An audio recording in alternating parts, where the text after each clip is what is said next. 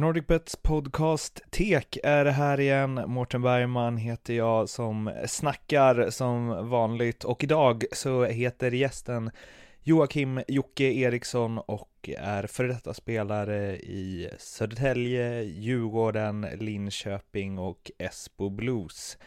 Idag jobbar han som sportchef inom eh, Djurgården Hockey och vi pratar om att gråta över att åka ur en serie att gråta över att gå upp i en serie, om att få utbrott och att eh, komma på kant med släktingar inom föreningen i ens hjärta, om NHL-proffs som raggar på fotografer mitt under brinnande slutspelsmatch och eh, om att vara spelande sportchef samt vikten av att eh, skaffa sig en utbildning under tiden som man spelar ishockey. Åsikter och eh, tankar kring podcasten samt önskemål om framtida gäster tas bäst emot på Twitter där jag heter att Marten med TH Bergman. Nu går vi vidare till intervjun som gjordes på Djurgården Hockeys kansli den 2 oktober. Joakim Eriksson, mycket nöje. Jag brukar få frågan Eh, hur känns det att ha slutat? Eh, saknar du att spela? Och den typen av frågor. Och eh, det känns bra att ha slutat spela. Jag känner inte att jag saknar hockeyspelandet. Jag brukar säga att jag nästan spelade på övertid ett år för länge. Vilket kanske gör att jag just nu inte har någon abstinens av av den nerv och den kittling som ändå uppstår när, när matcherna startar och du, du står och tittar på på Hovet inför ett fullsatt Hoven när vi har hemmapremiär mot Skellefteå så hade jag förväntat mig nästan att det skulle kittla lite mer än vad det gjorde. Jag hade egentligen ingen längtan eller känsla ner på isen, vilket känns skönt. Det känns skönt att det det är ett kapitel som var fantastiskt i mitt liv eh, och som jag nu får möjligheten att få fortsätta skriva nya kapitel inom, eller så att säga, man uttrycker sig i boktermer. Med tanke på att jag kommer fortsätta jobba med ishockeyn, då mitt nya arbetsuppgift som sportchef.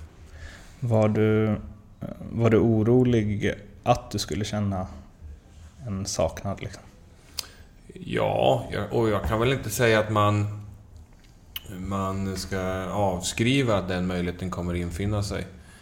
Eh, jag tror att de flesta elitidrottare upplever en saknad antingen direkt eller senare i livet av så att säga den kick, den enorma kick det ändå är den enorma eh, självtillfredsställelse det är att få, få, spela och tillhöra ett lag i, på professionell nivå och få, få spela inför fullsatta läktare och den stämning det är. Det är ju lite av en det är som en, lite som en junkie. Det är, det är lite som en drog som du, du får jämna doser av.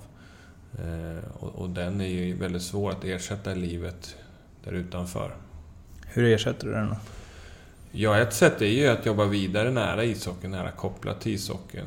Eh, då får man ju små doser av det i annan form. Eh, sen så eh, är det där en, en fråga som jag tror man be många behöver fundera på och svara på det för att det finns väldigt många elitidrottare som, som hamnar i depressioner och i tunga perioder efter sin karriär. Och vi har ju till och med ett antal OS-medaljörer som har tragiskt nog gått bort i självmord och så vidare i, i, i sviter och sådana saker. Så att eh, eh jag tror att e-, ett sätt att, att hitta en balans är dels att man under sin karriär har alternativa saker som man gör förutom ishockeyn. Eh, alternativa saker som man hittar en styrka i, en självkänsla i. För mig har det varit eh, mina studier på Handelshögskolan i Stockholm och det har varit eh, även min familj, mina nära och kära, mina vänner.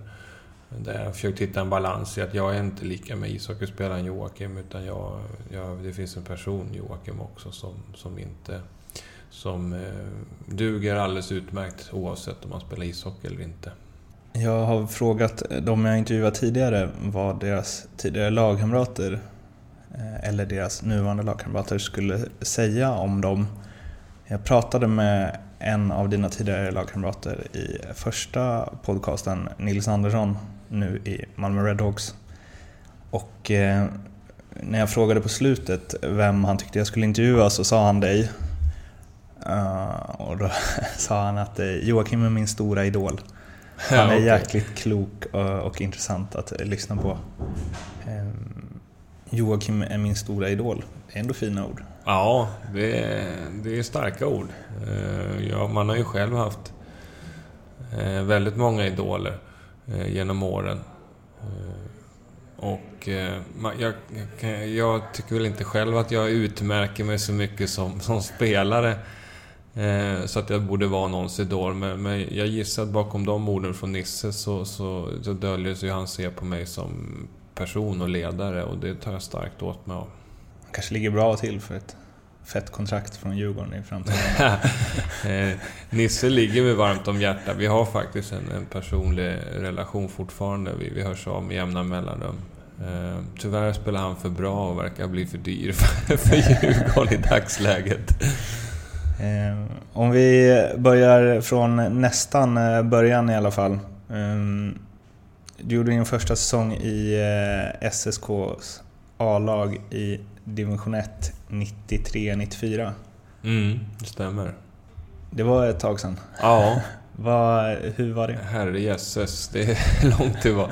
Nej, det, hur det var? Det var... Det var ju en dröm på något sätt som gick i uppfyllelse. Jag växte upp i Södertälje och jag följde framförallt min morbror då som eh, tyvärr inte lever längre men som, som var en av Södertäljes genom tiderna bästa spelare och hänger... Hans tröja hänger i taket, Glenn Holger Johansson.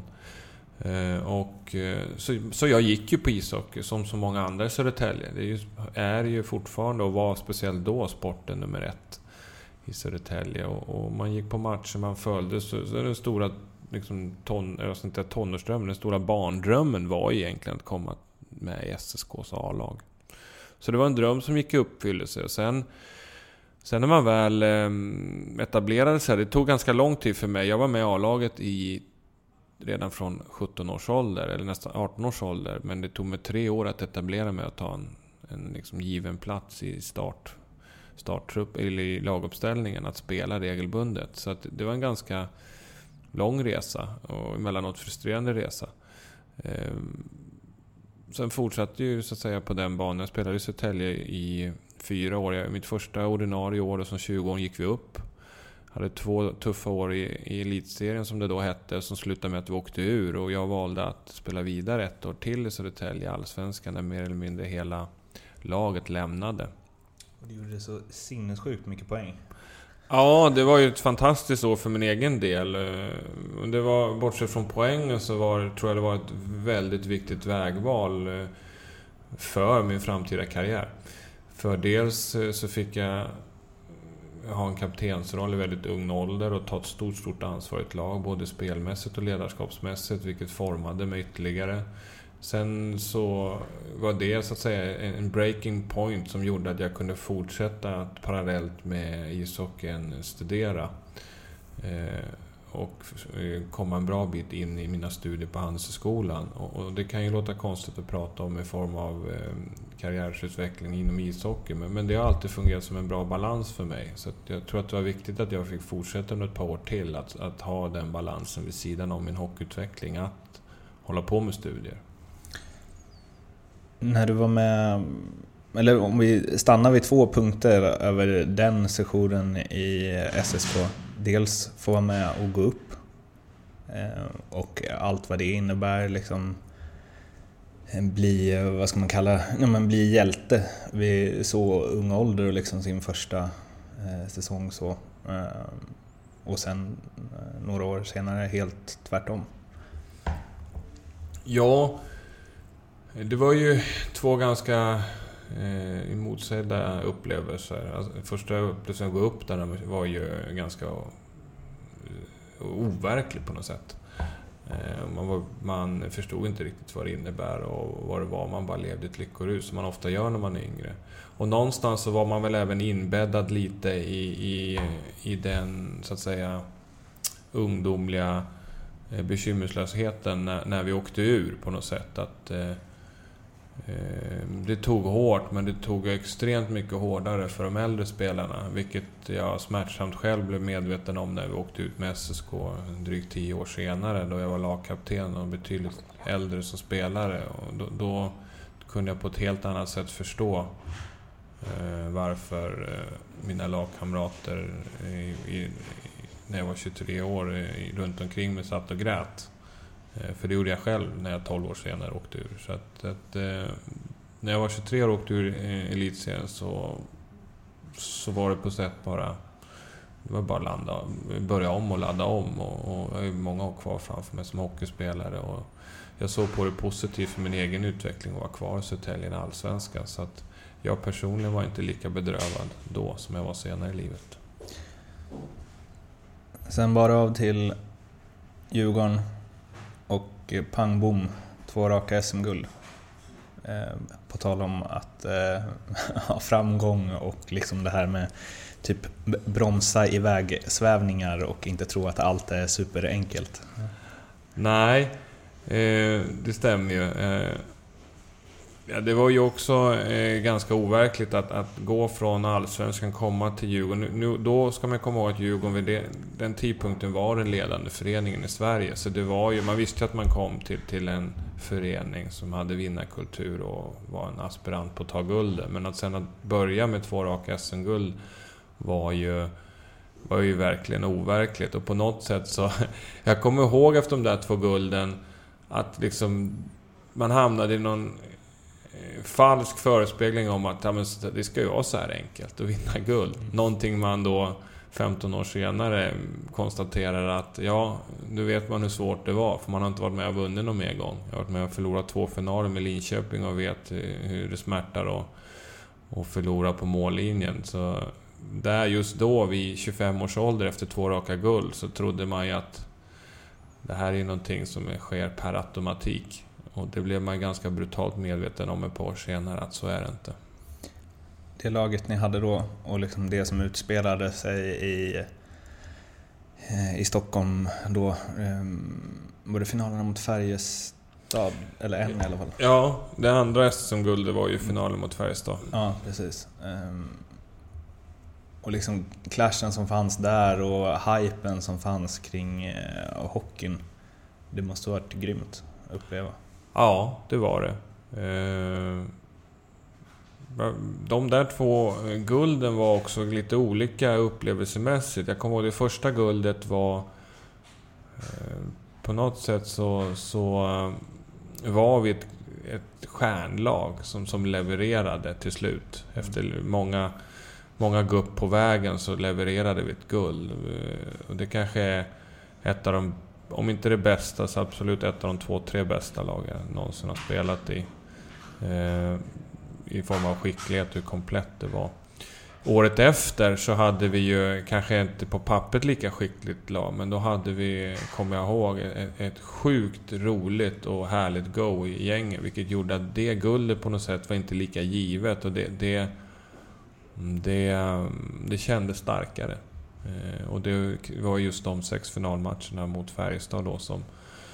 Eh, jag kommer ihåg att vi vann på, om det var påskafton eller någonting, nere i Karlstad. Eh, så att det var... Det var en, en, en... Det ligger mig varmare om hjärtat, det är konstigt nog, det andra guldet än det första. Just av de anledningarna. Mm, två guld, du får plocka ut ett en sekvens eller ett minne som sticker ut från dem? Ja, den sekvensen jag kommer ihåg är just när vi avgjorde i match 6, då, år 2. När eh, Färjestad anfaller på oss och, och nära avgöra och vi, vi anfaller på dem och nästan eh, någon form av kaosartat anfall så, så står jag längst bak kvar och, och nästan i vånda. Sätt den nu för annars så kontrar de fyra mot en på mig ungefär. Och, och Daniel Tjärnqvist, våran libero då, som alltid låg längst bak, han var längst fram helt plötsligt och trycker in en retur. Så det, jag kommer ihåg det. Eh, jag har fortfarande det på näthinnan, den, den sekvensen och den känslomässiga pendlingen mellan hopp och förtvivlan där strax innan vi avgör. Vad händer i, nu hade du ju vunnit eh, ett guld eh, innan, men vad händer i, eh, i kroppen liksom? När sekunden det blir klart? Ja, det är ju ren och skär glädje. Eh, och den håller i sig... Eh, så länge man firar på isen och så vidare. Sen, sen eh, oavsett om man har vunnit eller förlorat så blir det nästan så efter sista matchen när du kommer in i omklädningsrummet och går någon 45 minuter, en timme att... Att det blir som att pysa hål på en ballong. Det är som att du har gjort av med så enormt mycket energi i det, i det slutspel du har spelat och i de sista matcher du har spelat för säsongen. Så att det är som att kroppen och hjärnan då konstaterar att eh, du är ganska utmattad. Eh, och sen får man eh, då i det läget dopa sig själv med lite alkohol så man får energi igen. Eh, du sa att du eh, grät när du åkte ut mot, med Södertälje. Mm. Eh, grät du av glädje när du vann också? Jag grät av glädje när vi gick upp med Djurgården. Mm. Det, är, det är de två tillfällen som jag gråtit i min hockeykarriär. Det var när vi åkte ur SSK och eh, när vi gick upp med Djurgården. Eftersom jag kan tänka mig att det är mer lättnad att gå upp Ja, och det var... mer glädje att ja. vinna SM-guld. Eller vad man ska säga. Man har ju mer att förlora. Ja, alltså... I, i, bo- i, ja, det, det är väl olika yttringar som gör. I, I de två fallen, när vi åkte ur så var det ju egentligen ren sorg. Mm. Eh, och när vi gick upp så var det någon form av eh, glädje, yttrande, press som släppte. Året efter eh, den, eller du gjorde ett år till i Djurgården. Sen ville inte Niklas Wikegård ha kvar dig. Eller? Nej, det var en... Det var en lite konstig session. Niklas först uttryckte att han ville... Att de var intresserade av att förlänga. Och sen så... Eh, så mot slutet av säsongen så, så tyckte de väl inte att jag matchade eh, någon av de högre rollerna. Utan att de ville satsa på lite billigare eh, spelare på, på centerposition nummer tre. Och, och därav så bröts våra vägar. Och eh, så här med facit i hand så var ju det det bästa som kunde hända för min egen utveckling, min egen karriär. Det tyckte jag väl inte då just för då, då ville jag gärna spela vidare i Djurgården. Men eh, där och, som det blev så var det det bästa som kunde hända. Jag kom hem till Södertälje och, och där tog min karriär verkligen fart. Du kom trea i poängligan va? Ja, jag, kom, hade, jag hade ett fantastiskt år eh, där jag, jag spelade med Jörgen Bemström och Teemu Rijärvi som var två spelare som varken var kanske jätteglamorösa eller, eh, eller själva gjorde jättemycket poäng den säsongen. Men de hade en förmåga att göra mig bra. De, de lyfte mig och det, det gjorde att jag fick en, en fantastisk säsong. Men från att eh, vara en spelare som gör andra bra så eh, var du ju vips eh, trea i poängligan. Det, alltså... vad, vad det, om, att man, jag tänker man säga, omvärderar sin roll. Att bara, oh shit, det här, det skulle kunna vara så här varje år resten av karriären.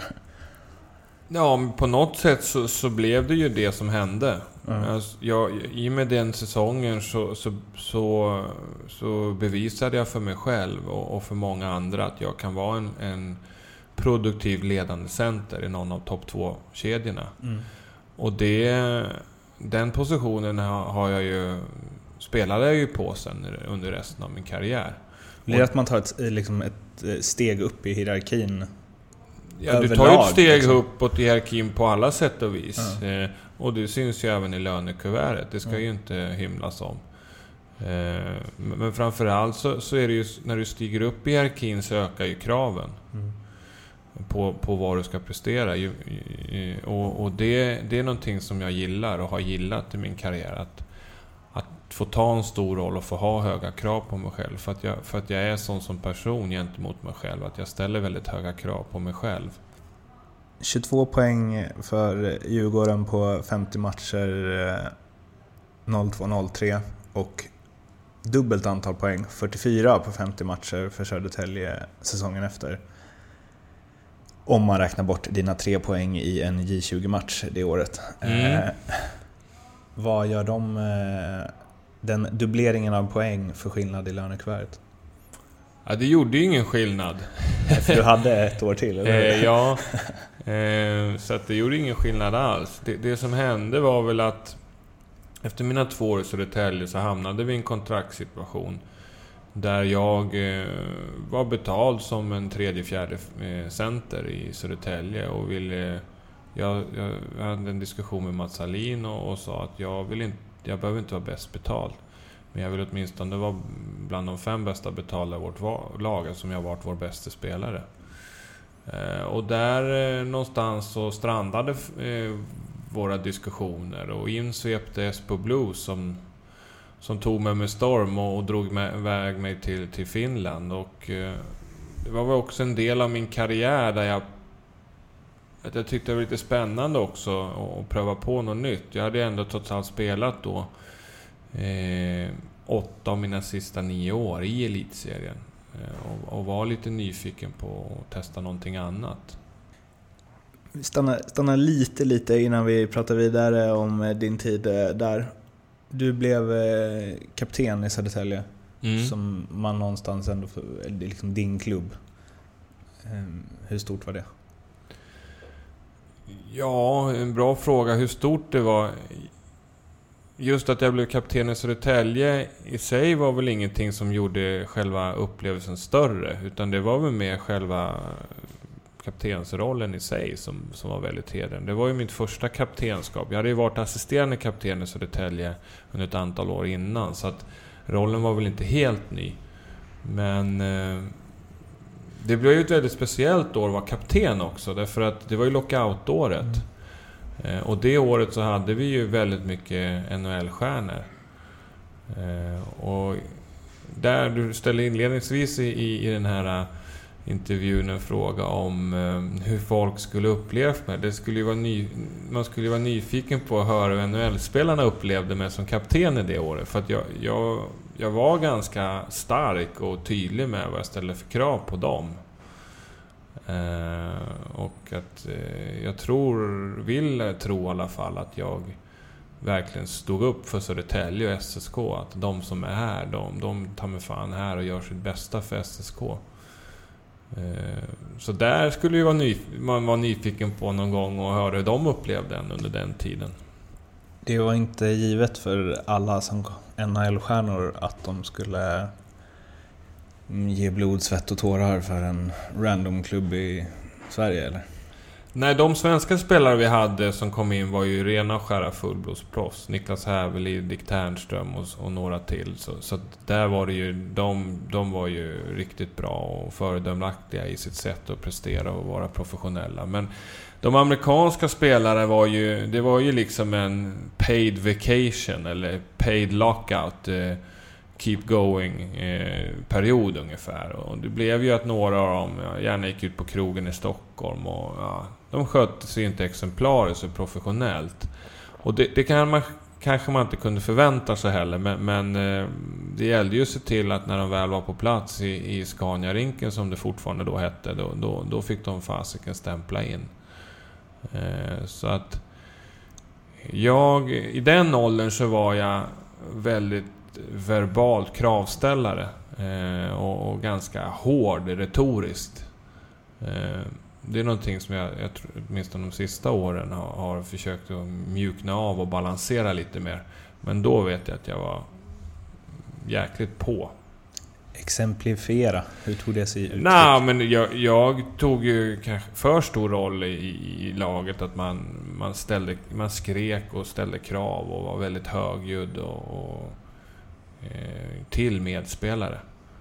Eh, nu lyckligtvis så kanske man klarade av att leverera ett spel då, då som, som gjorde att man inte... Att man kunde ställa de kraven. Men, men där kan väl... Har jag väl senare under karriären försökt att, att bromsa ner mig lite och fokusera på sitt, mitt eget spel och, och balansera liksom, kravställandet med att även kommunicera med, med, spel, med, med, andra spelare och försöka bygga upp dem och, och, ge positiv feedback och inte bara hålla på och skriva massa, skrika massa kritik och, och krav. Nu ska jag göra ett svinbra försök här att eh, hitta rubriker. Men ja. jag kan ju bara tänka mig om man kommer som så här välbetald eh, NHL-stjärna och förväntar sig en hålla igång kroppen-spel. Och sen så står det någon för en själv eh, okänd nisse och gapar på en att man ska ge sitt allt. Det låter ju som att det skulle kunna leda till att någon eh, hugger emot och att det blir dispyter. Ja, det skulle det kunna ha gjort. Eh, nu, nu var ju vi väldigt hjälpta av just att de svenska NHL-spelarna eh, och framförallt och Niklas Hävelid var ju liksom fullblodsproffs. Eh, han kanske är den spelare, jag har spelat med honom både i Södertälje och i, eh, och i Linköping som har gjort absolut störst intryck på mig i form av professionalitet.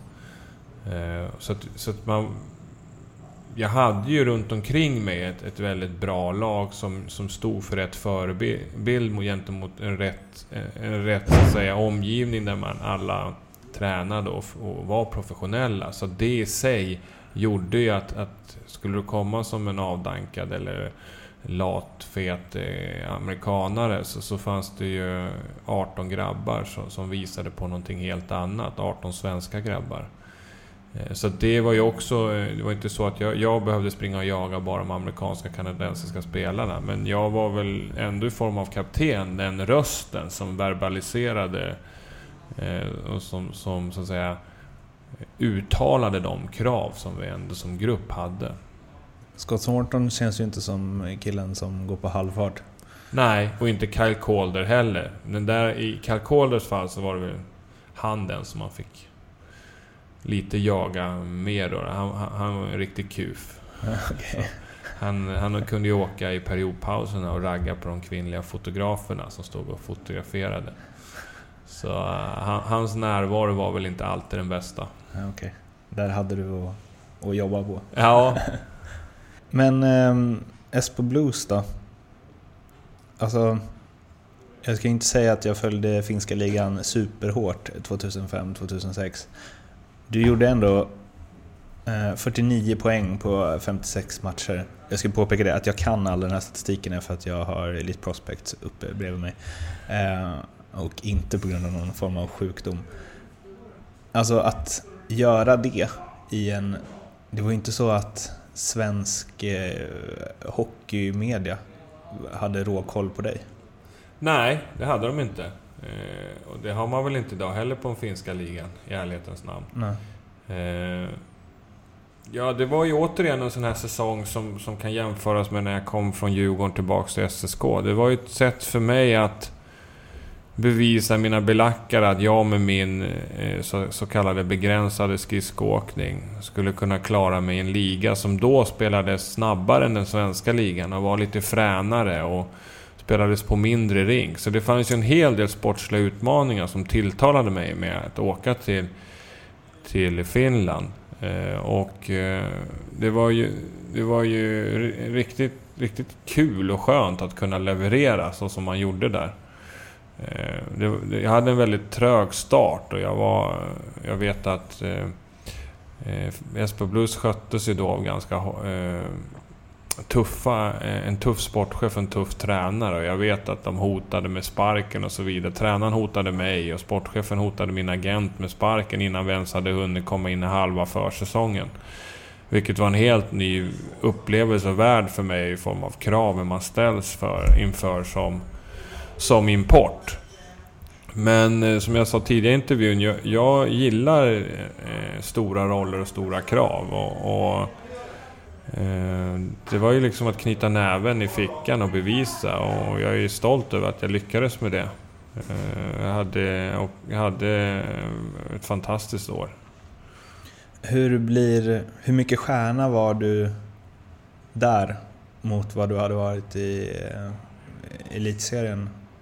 Och jag tänker till så här, eh, liksom hur fansen såg på dig, hur, hur påpassad du var med intervjuer, hur man liksom pratade om dig? I Finland ska man ha klart för sig att ishockey är ju sport nummer ett. Det är inte som i Sverige där vi är sport nummer två efter fotbollen. Så, så där är ju all media och allt handlar ju om ishockeyn. Eh, men sen är det ju precis som här hemma, att de skriver mest om storklubbarna. Esbo är ju som en förortsklubb till IFK Helsingfors och Jokerit, vilket gjorde att medialt sett så får du ju Esbo inte lika stor uppmärksamhet. Så det var en ganska un... Det var som att vara Södertälje, ja. Mm. Precis. Eh, den stora skillnaden mellan Finland och, och Sverige är att de som leder poängligan i respektive lag åker omkring med en guldhjälm. Mm. Eh, så man blir ju... På så sätt så och det gjorde jag då stora delar av den säsongen. Då, då blir man ju... Därigenom så syns man ju mer. Om, om, och man utmärker sig ju mer för att det blir ganska tydligt om vem det är som åker omkring med den där guldhjälmen i relation till det övriga laget. Så att eh, det, det medföljde ju att man blev uppvaktad. Dels av motståndare med, men även av media. Det som jag har fått höra om dig och även som du beskriver dig själv. Du känns väldigt lite, jag gillar att åka runt med en guldhjälm kompatibel. Ja, vad menar du med det? att det är så här, den guldhjälmen är ju verkligen så här, titta på mig, jag är bäst. Ja, men jag är nog lite sådär äh, schizofren på det sättet. Jag, jag har inte en spelstil, jag har inte framhävt mig själv eh, kanske på det sättet som att jag är en egoist eh, och, och, spelar för mig själv. För det har jag aldrig gjort. Utan jag är en lagmänniska, en lagspelare och eh, bryr mig verkligen om lag och därav har jag kanske också gjort att jag har haft informell ledarstart och haft kaptensroller. Men i alla oss hockeyspelare, alla oss elitidrottare, så bor ju en egoist inom sig. Eh, någonstans så handlar det lite om, som Per Mårts brukar uttrycka sig, att det gäller ju också att hitta ett jaget för laget. Eh, det gäller att utveckla och driva sig själv och, och ha höga målsättningar själv. Och det har jag alltid haft, eh, ända sedan barnsben. Eh, och eh, de små egokickarna eh, som det ändå är av att få bära en eh, guldhjälm eller att få göra mycket mål och poäng. De ska inte sticka under stolen med att de har ju triggat en och, och betytt mycket för en också. Även om jag är väl medveten om att, att det finns oändligt många andra ingredienser som, som, är, som är otroligt viktiga och som jag har tagit sikte på då i övrigt. Lite som, jag tror det var Michael Jordan som sa när det var någon som kritiserade honom att han var egoistisk att eh, de sa there, there is no I in team och han sa but there's, uh, there's an I in win. Mm. Lite det att man ändå, vad man själv drivs av liksom. Ja, så ska man Ska man titta på de ledande lag jag har varit med i, eller vinnande lag, eller topplag jag har spelat i och jag tror att många med mig kan hålla med om det. Så, så, ofta så, vad som finns i vinnande lag är väldigt många starka individer. Och det är bara att titta på Chicago Bulls för att ta det, deras startfemma och de sista åren de vann där med liksom Dennis Rodman och Scottie Pippen och Michael Jordan. Det är ju liksom inga små egon Nej. som samsar i sitt lag. Så, så, så vägen till framgång är ju att kunna få väldigt många starka individer, ledartyper, att formas och driva tillsammans mot ett mål. Eh, då har du ju har du oftast väldigt goda förutsättningar att nå väldigt långt. Massa poäng i Finland, eh, landslagsspel igen den säsongen.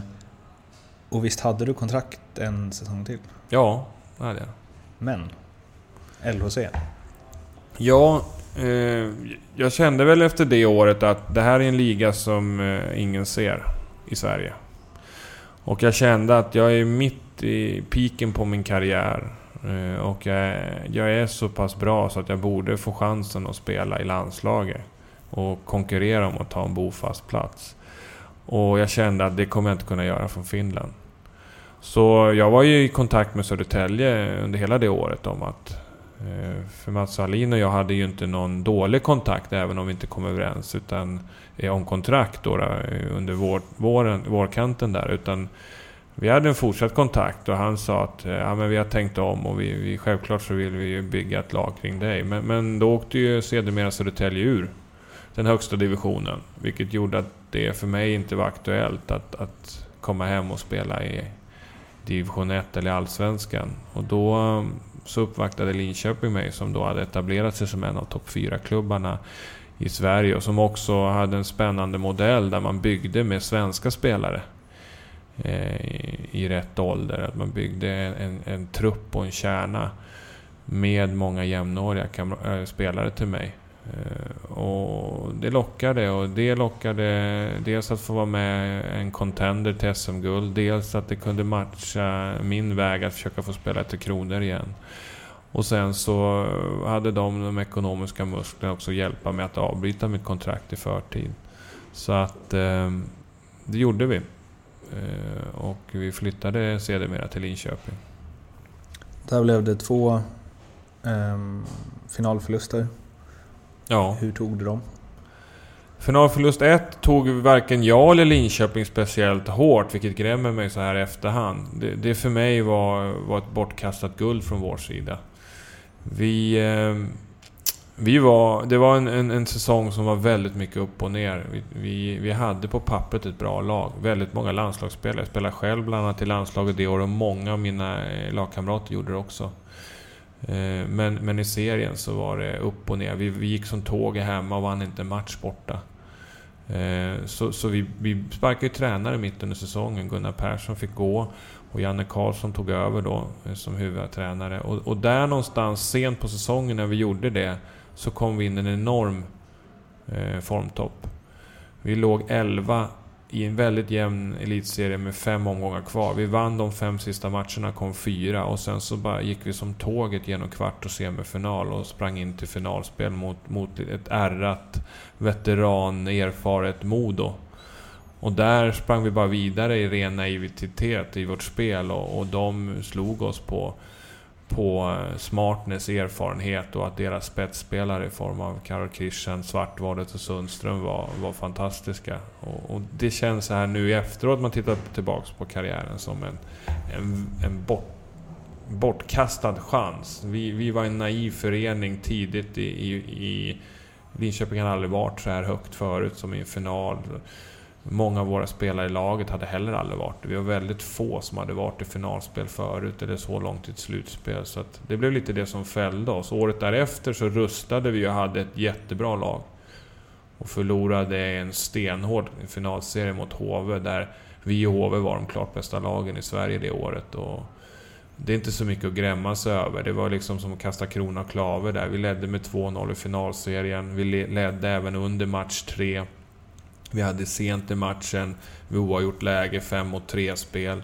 Där det var en väldigt tveksam domarsekvens när, när Johan Åkerman kastar klubban och får ut pucken.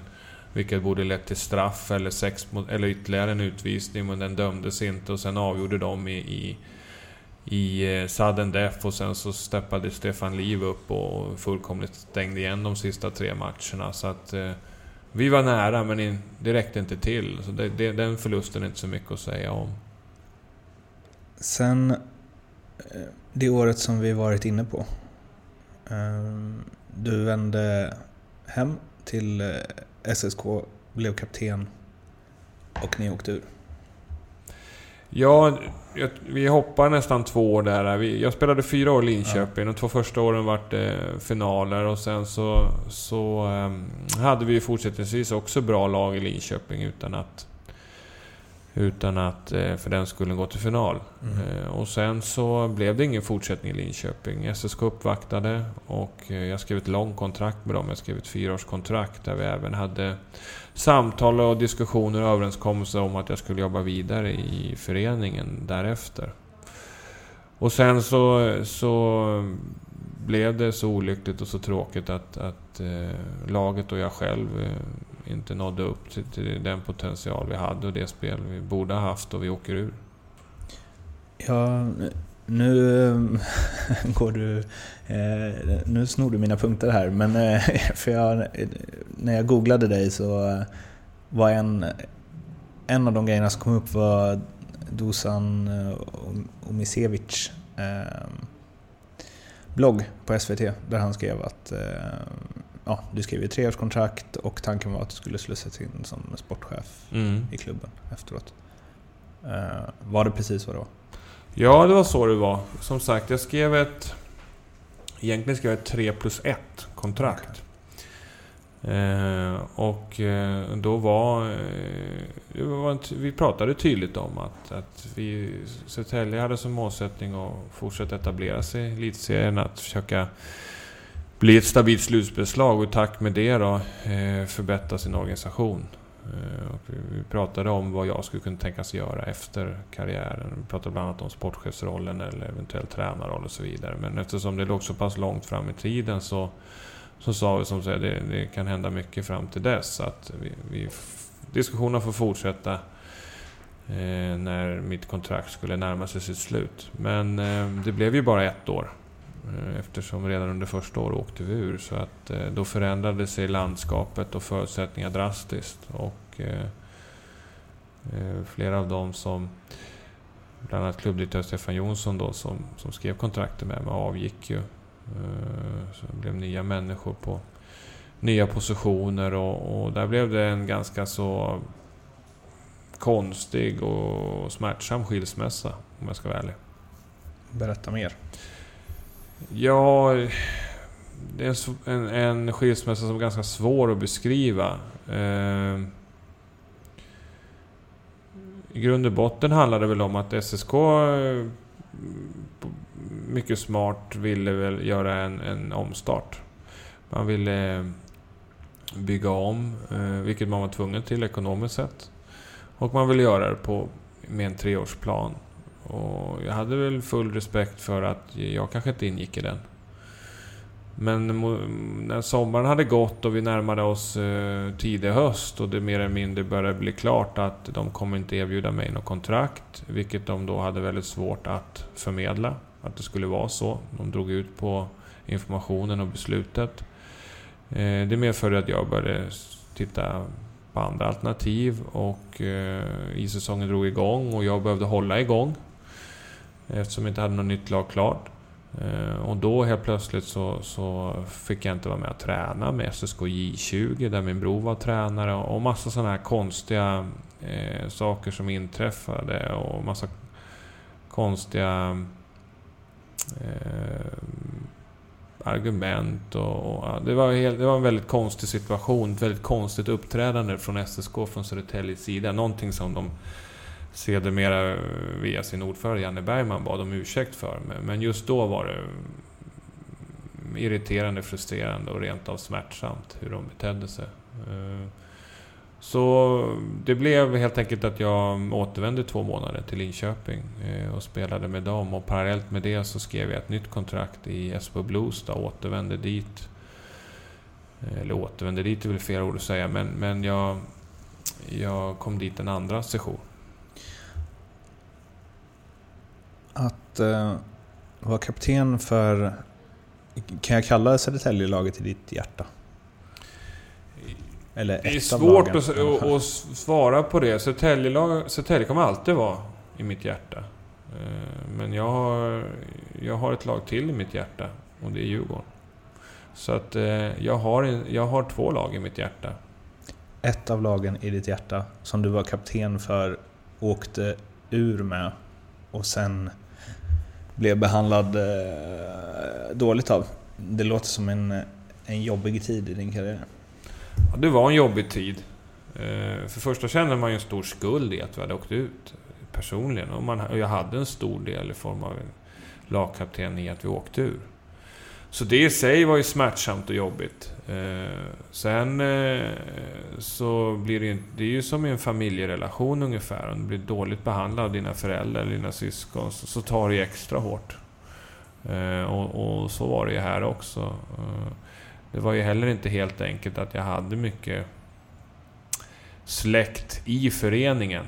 Eh, och där rent av kanske mm, i viss mån någon av dem också var delaktig i det dåliga beteendet.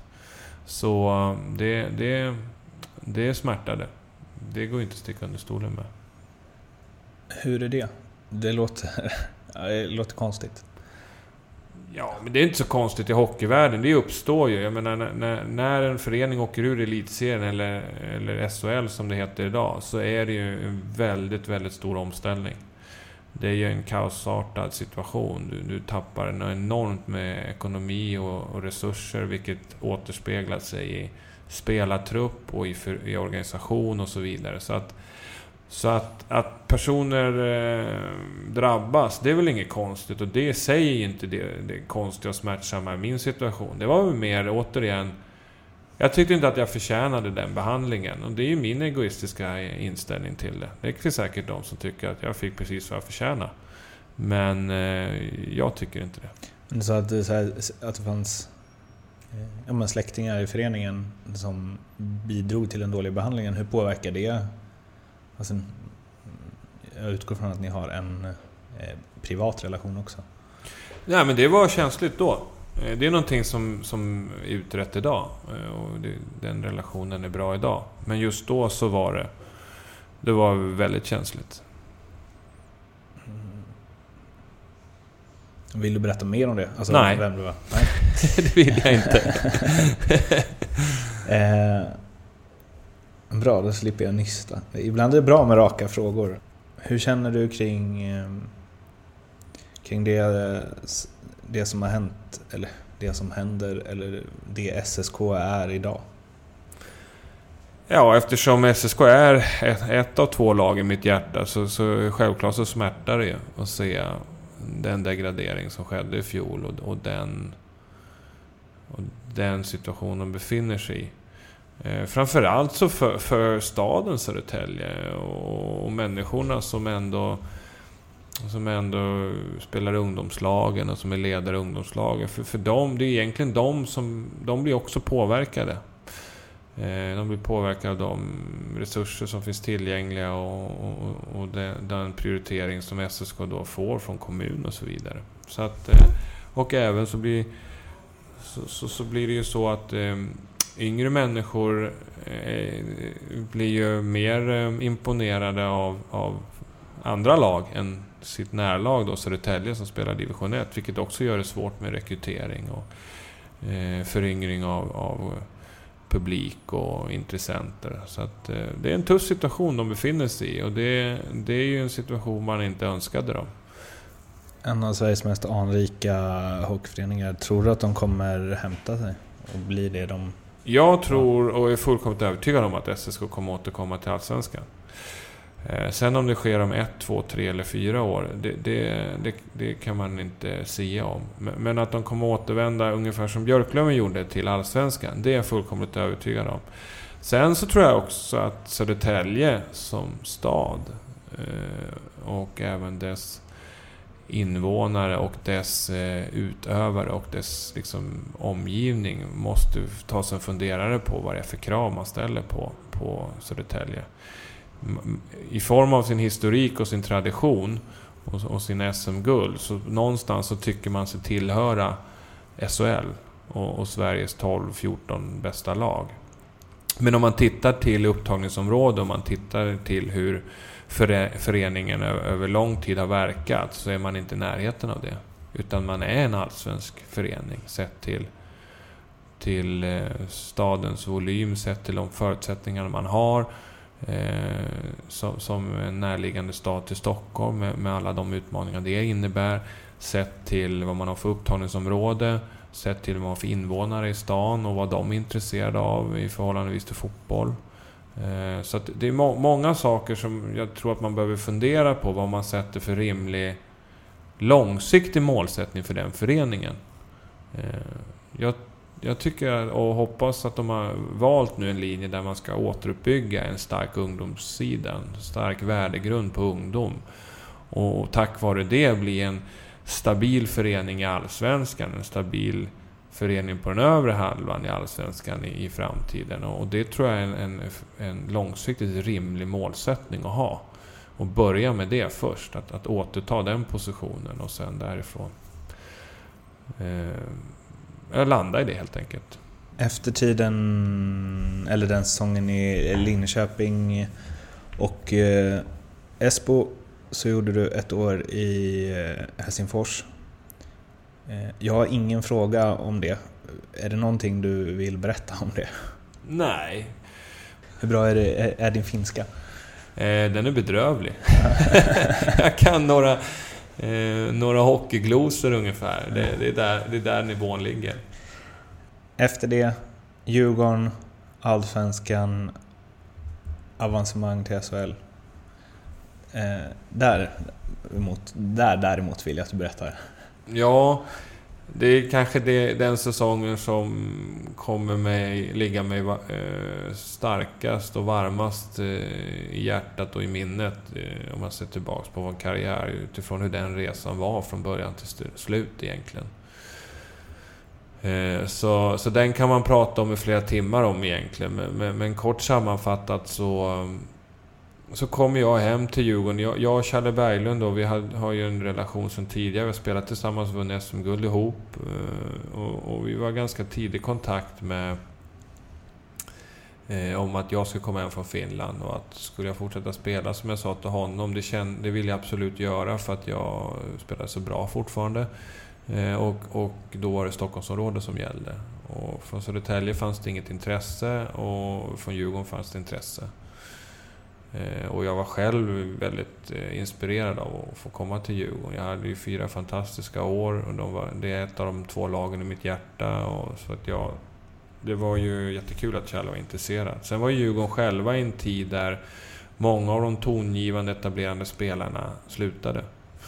Eh, och man inte riktigt hade... Man hade Timmy Pettersson och Holmqvist men man saknade ju fler äldre tongivande le, informella ledare som det unga laget behövde. Och där tyckte vi Kjell att jag hade en stor roll att fylla och jag tyckte själv att jag hade en stor roll att fylla där. Så uh, det blev en bra matchmaking.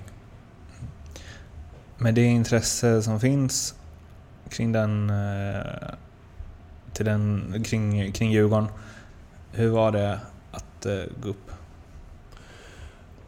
Ja, det var...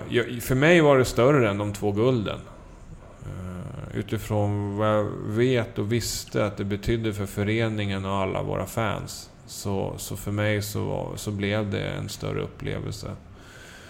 Eh, sen i ärlighetens namn så hade jag ju också en, en större påverkan på vad som skedde än vad jag hade som spelare och ledare under de två åren vi vann guld. Jag hade ju en mindre roll i det sammanhanget när vi vann guld än vad jag hade nu. Nu hade jag ju en väldigt stor och viktig roll i vår framgång, vilket också gjorde personligen den upplevelsen ännu starkare.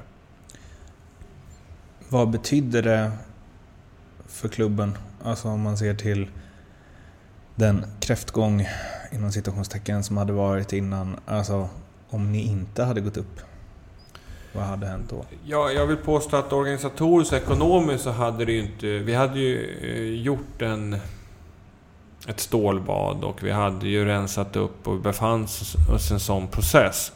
Så det hade ju gjort att, att den hade varit långsammare än vad den varit under de senaste två åren. Så, så där, där tror jag nog att Djurgården, oavsett om vi inte hade gått upp det året, så småningom hade gått upp. Däremot så, så fanns det en sportslig risk om vi inte hade gått upp i att vi hade ett väldigt ungt lag. Och vi hade ju många som gjorde fantastiska framsteg under det året.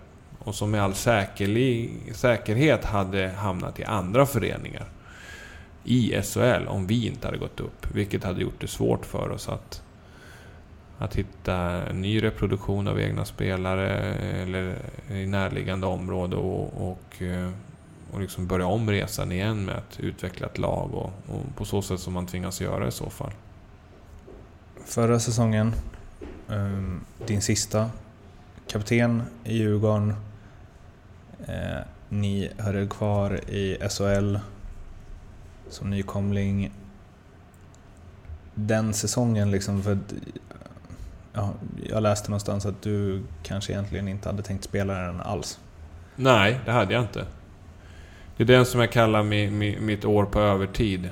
Eh, jag var själv mentalt och färdig och tyckte det var ett perfekt slut och sluta efter att vi gick upp. Och, jag sa även det till, till Djurgården att jag, jag var intresserad av om, om det fanns andra uppgifter. Eh, Djurgården eh, tyckte då att eh, det, vi är intresserade av dig in i en framtid men vi vill hemskt gärna att du spelar ett år till. Eh, med utgångspunkt i att vi var sist ut på spelarmarknaden.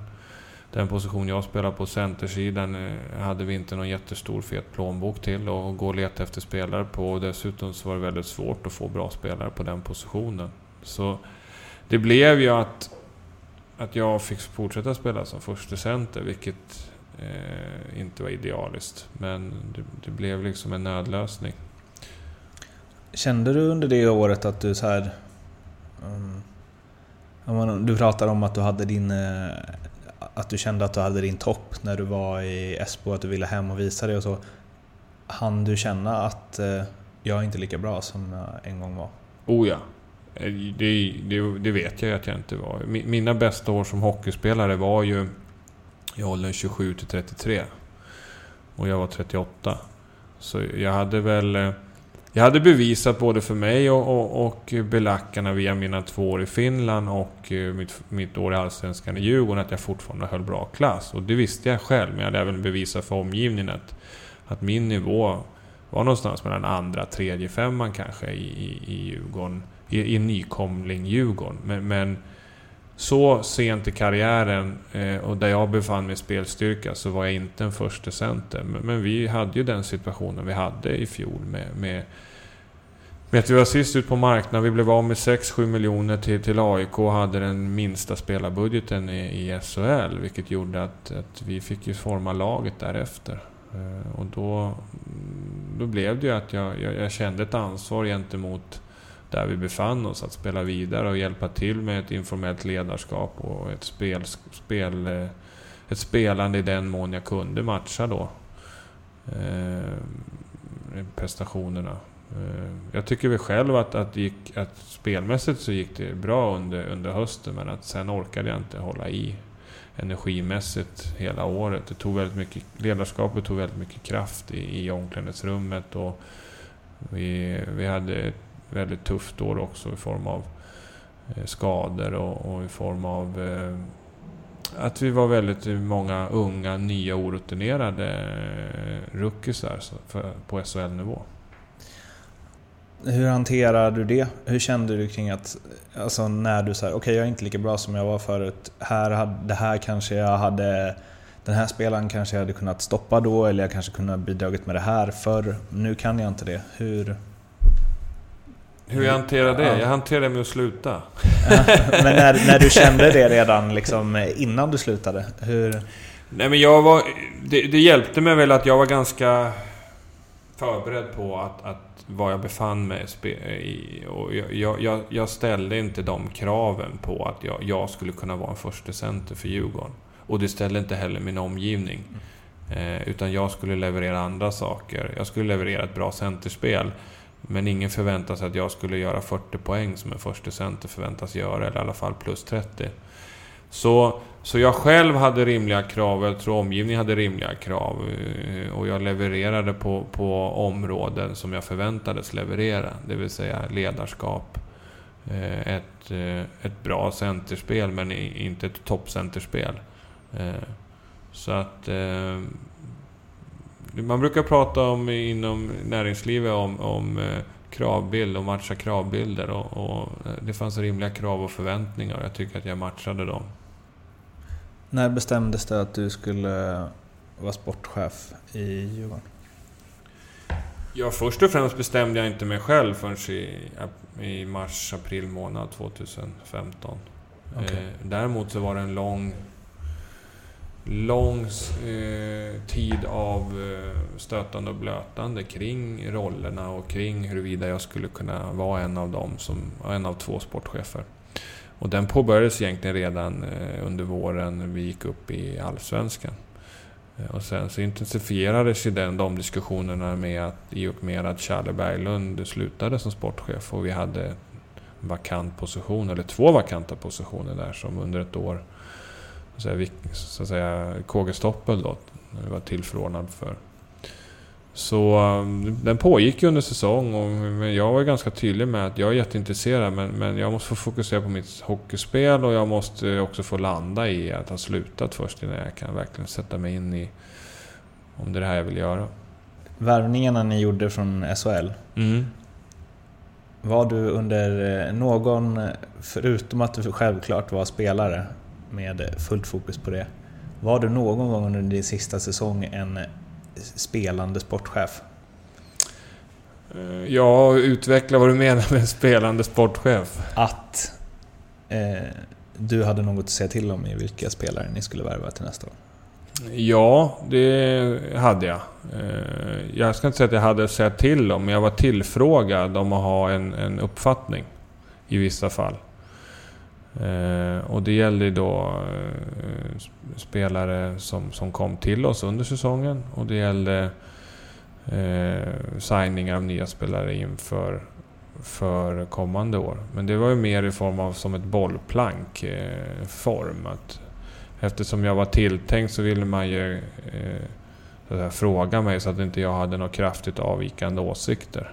Mm. Eh, men det var inte så att jag Eh, parallellt med att jag spelade började prata om vilka spelare vi skulle gå efter eller värva. Utan allt det jobbet och all den kraften eh, ägnade ju KG Stoppel åt så att säga.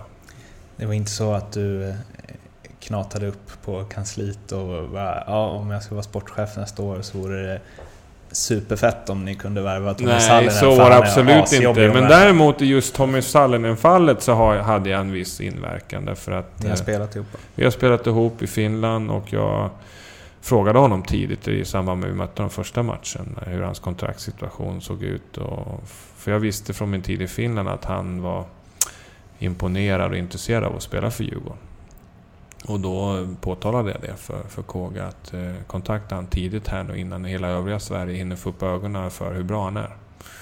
Eh, och sen så gjorde Kåge det och var lyckosam i, i, i, sin, i sina förhandlingar så vi, vi fick honom på kontrakt. Ändå lite spelande sportchef skulle jag säga. Ja, det är väl den enda värvningen då som jag kan, kan eh, påstå att jag var delaktig i. Övriga, övriga så att säga har jag bara sagt att jag tycker att det är bra spelare. Jag brukar... När jag intervjuar aktiva spelare så brukar jag eh, be dem att regissera eh, sin sista match om de fick drömma fritt. Du, du har ju spelat din sista match. Ja, alltså, alltså, Innan, jag, innan jag går in på det här, det var det var playoffet mot Luleå, eller hur? Ja, det stämmer. Ja, och på tal om att jag har googlat dig så får man då upp en artikel med rubriken på Aftonbladet. Eriksson skällde ut lagkamraterna, dundrade i omklädningsrummet. Eh, där du inför sista perioden eh, mot Luleå ska ha sagt... Eh, ja, jag kan läsa vad det står. Det står så här. Eh, inför Simors kameror stod han för en rejäl utskällning av lagkamraterna på engelska. Eriksson gick runt i omklädningsrummet och visade tydligt vad han tyckte om lagets prestation. Han var fullständigt rasande, slog klubban i bänken och skrek med full styrka “This team together now, last period, period now, like the last five minutes, whole fucking 20 minutes now. I want to see it from everyone, no fucking more excuses”. Ja. Det där har mina barn sett ett antal gånger och kommenterat. så, det var där jag är, är det så det låter hemma också eller? Nej men... Vi pratade tidigare i intervju, ja tyvärr låter det ibland sådär hemma. Det är jag absolut inte stolt över. Men ja, det låter inte sådär illa. Men, men eh, höjningen av rösten för sig kom ju hemma tyvärr. Men eh, den där... Eh, för första tyckte jag det var olyckligt att det kom ut. För det ska inte få komma ut. Och jag vet att det har varit mycket diskussioner om det där efteråt, huruvida Simor läckte ut det där. Men det där, det där kan man ju diskutera om i många olika eh, synvinklar. Vi hade ju tidigare här under, under vår, vår prat så pratade du om... Så där var jag ganska mycket under mitt lockoutår i SSK gentemot laget och proffs. Jag var mycket mer så i tidigare min karriär medan jag i slutet mot min karriär försökte balansera de där utbrotten. Eh, men nu, nu var det ju ett ganska skarpt laddat läge där jag tyckte att vi... Vi, vi hade en lång säsong bakom oss och jag tyckte inte riktigt att vi under slutspelet hade ork och kraft att kräma ur. Och det där var på något sätt för mig ett, ett sätt att försöka kräma ur det sista vi hade och försöka ta det till en tredje avgörande match uppe i Luleå. För vi låg bara under med 1-2 vid det här tillfället inför sista perioden. Och det var också något sätt att försöka skrämma ur energi ur redan väldigt trötta huvuden som var runt omkring med omklädningsrummet. Så att, eh, eh det var inte så framgångsrikt, vi förlorade Men det var ett ärligt försök. Eh, sen, eh, som du ser i sådana där situationer så använder man inte alltid det, det bästa språket. Om man säger så. Väldigt tydligt ändå tycker jag. Ja, det är inte många frågor Nej, efteråt. det lämnar inte mycket utrymme för tolkning. um, någonstans så, så här, jag, jag antar att du inte hade tagit med den sekvensen ifall du hade fått regissera din sista match. Men min, min perfekta eh, match, min perfekta sista match var egentligen eh, Västerås hemma. Ja. Vi gick upp. Det hade ju varit det perfekta slutet och det var ju också min tanke. Men um, om vi bortser från den här biten. Hur, uh, hur var din sista match? Alltså, känslor? Den var väldigt fokuserad, men jag kommer ihåg att någonstans när det var två, tre minuter kvar så... Och det var det även året innan, för då trodde jag också att det var min sista match, så var den väldigt känslosam. Eh, jag kommer ihåg att jag hade... Nej, men att jag hade svårt att hålla tårarna borta helt enkelt. Eh, men då, då ska man också komma ihåg att du är i den här emotionella situationen där man är väldigt trött. Man har gått på högvarv under lång tid mentalt. Och man börjar liksom se målsnöret. Eh, då blir man väldigt känslosam. Eller att det, är svårt att hålla tillbaka känslor. Så... Jag, jag var nog i min egen lilla värld de där sista två, tre minuterna. Även om vi jagade en kvittering så, så, så, var, så kom jag ihåg att det var...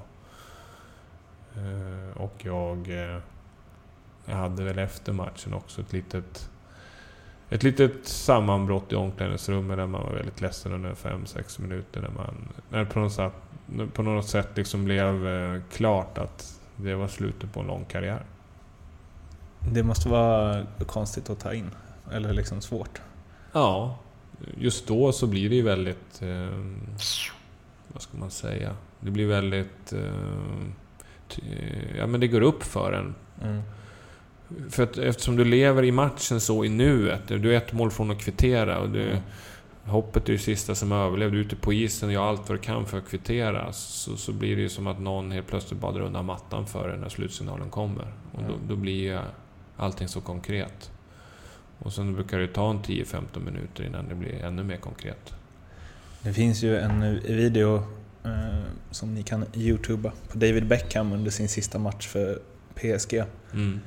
Där han eh, utgår ifrån ser att de börjar göra i ordning, eh, byta ut honom-skylten. Mm. Eh, och det är som att han så här bara stannar upp mm. och tittar på läktaren och så fattar att okej, okay, det här är sista gången. Ja, men det är väldigt talande. Och där får man väl... Där får man väl någonstans i, i den tomheten eller så att säga sorgen som det ändå är, får man väl eh, också vara tacksam för att man har den möjligheten att göra det avslutet. För det finns ju väldigt, väldigt många som tvingas sluta i förtid. Mm. Och som, eh, som går omkring med en enorm frustration och sorg över tid, över att inte kunna vara del av slutet eller kunna liksom, ta in det på något sätt. Hur bra blev du mot vad du tänkte att du skulle bli? Jag eh, nådde nog de mål och drömmar som jag hade. Jag har aldrig varit någon som har drömt om NHL. Och det har nog legat för att jag... För första så var jag aldrig draftad. Eh, och jag har, aldrig, jag har alltid haft mina belackar och alltid varit ifrågasatt för min skridskoåkning och på något sätt liksom inte varit aktuell för eh, knappt Tre Kronor internationellt spel eller, eller NHL. Så på något sätt har jag alltid fått jaga att bevisa mig själv. Att bevisa att jag med min spelskicklighet och min smarthet kan kompensera för bristande explosivitet och styrka. Eh, så att jag nådde nog det som jag vågade hoppas på att jag skulle kunna nå. Eh, sen svaret på hur bra jag var, ja, det, det, det är upp till betraktaren att bedöma. Du har återkommit till det några gånger och det är det man har hört så från belackare också. Att så här, bristande skridskoåkning. Ja. Om du skulle betygsätta din skridskoåkning, 10 är 1 till 10 och 10 är Pavel Bure. Ja men om man ska betygsätta en skridskoåkning för att vara snabb eh, så hamnar jag ju liksom på en 2-3. Det som jag däremot eh, alltid haft är ju att jag har haft en bra kondition. Det vill säga att jag har orkat spela, bära mycket istid. Eh, så att jag har haft en väldigt skonsam skridskoåkning i form av att jag aldrig gått sönder, blivit skadad, varit försliten. Jag har orkat träna mycket, spela mycket över 20 år sett. Jag har hela min karriär missat åtta matcher, varav tre på grund av skada. Eh, så att... Eh, jag... Eh, så att ur det perspektivet, om man pratar om durability som man säger på, på engelska, så, så hamnar ju skridskoåkningen högre upp. Och också har jag ju haft en bra balans i min skridskoåkning. Men det mina belackare har rätt i, och det jag själv håller med om, det är just farten.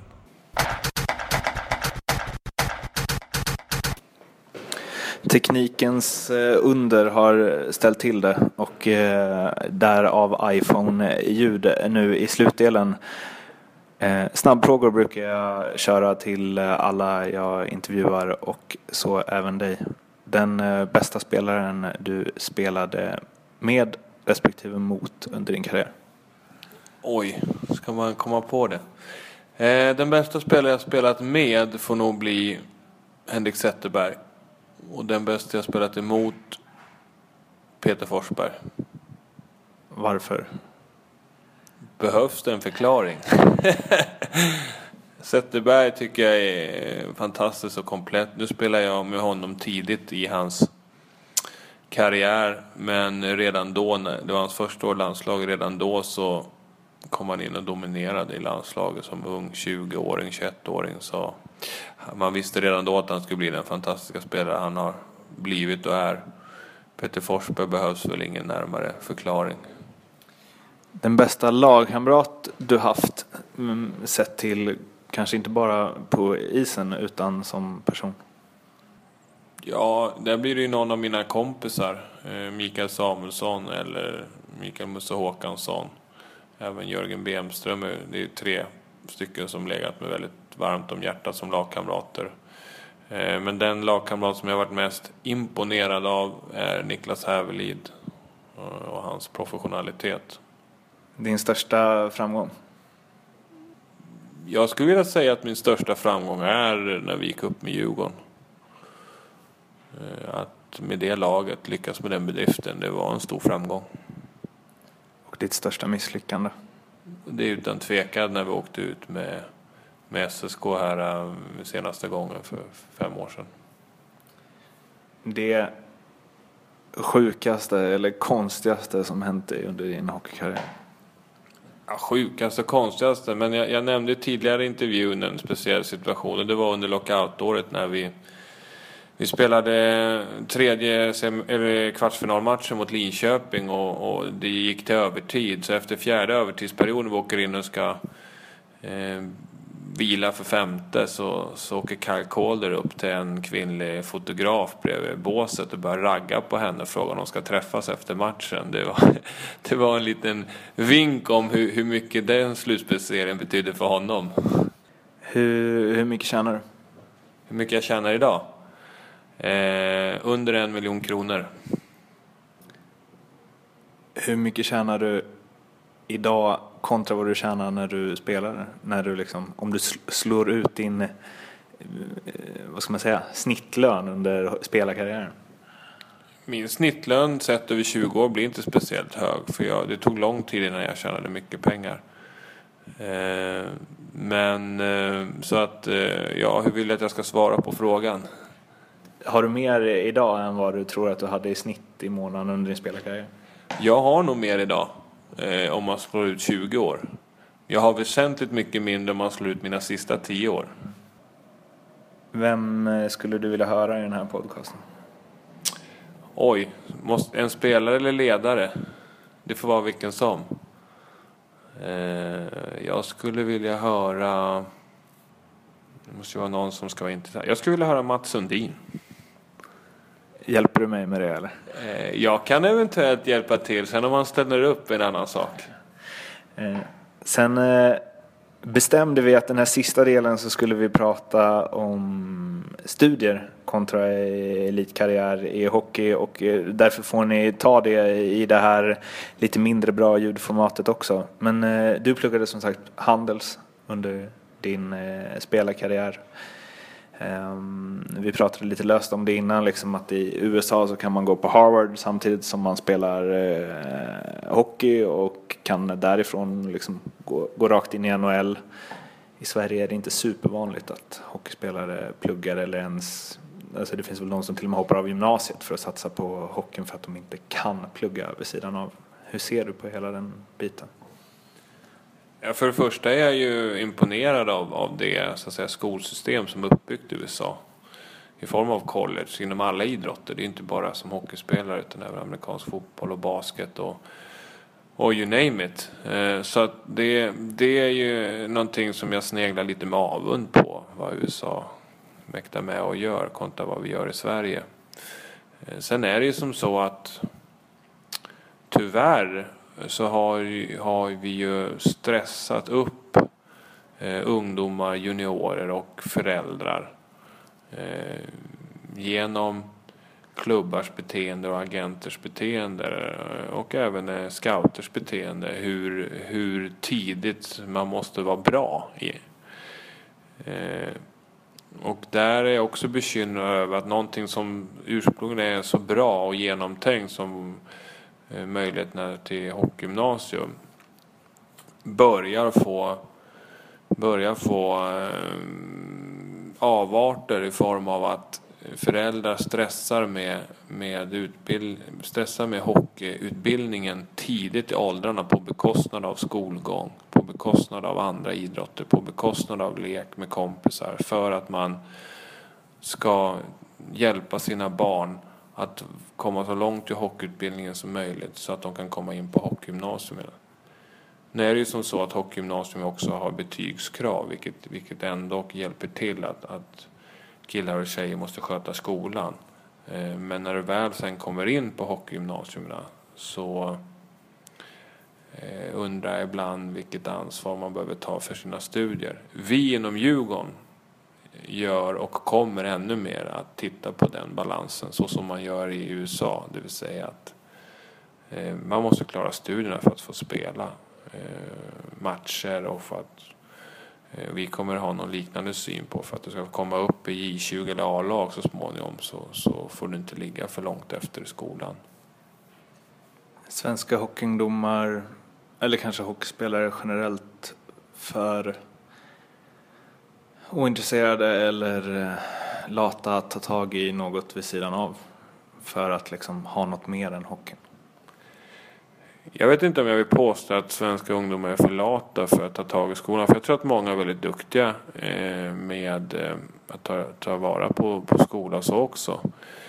Men eh, det är ju väldigt svårt att kombinera studier. När du väl blir professionell och du väl når upp till seniornivån på SHL och allsvensk nivå så är det väldigt svårt att kombinera studier med eh, professionellt spelande.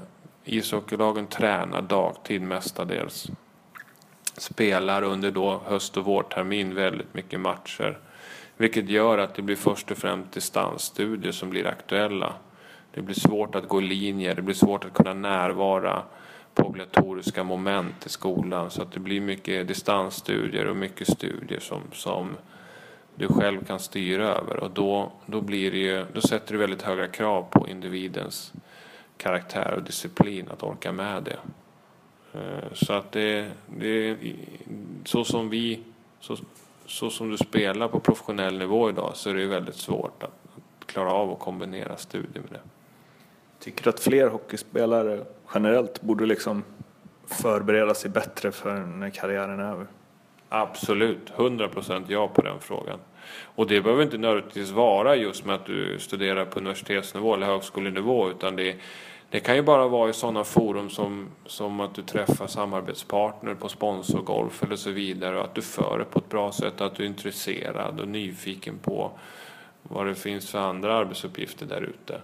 Eh, och att man är trevlig och positiv och att man kanske eh, har tankemässigt en förberedelse på att, att ishockeykarriären inte varar i tid och evighet.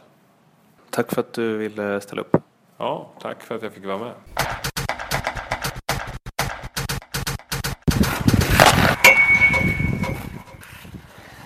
Sådär, en timma och 25 minuter senare är intervjun över. Jag hoppas att ni uppskattade den och gjorde ni det så kika in på NordicBets kanaler på eh, iTunes och Soundcloud för eh, tidigare, de tidigare avsnitten. Nästa vecka så väntar eh, en intervju med en av de tuffare backarna i SHL där det blir en hel del prat om bland annat att kasta handskarna. Tills dess, ha det fint så hörs vi helt enkelt. Ciao!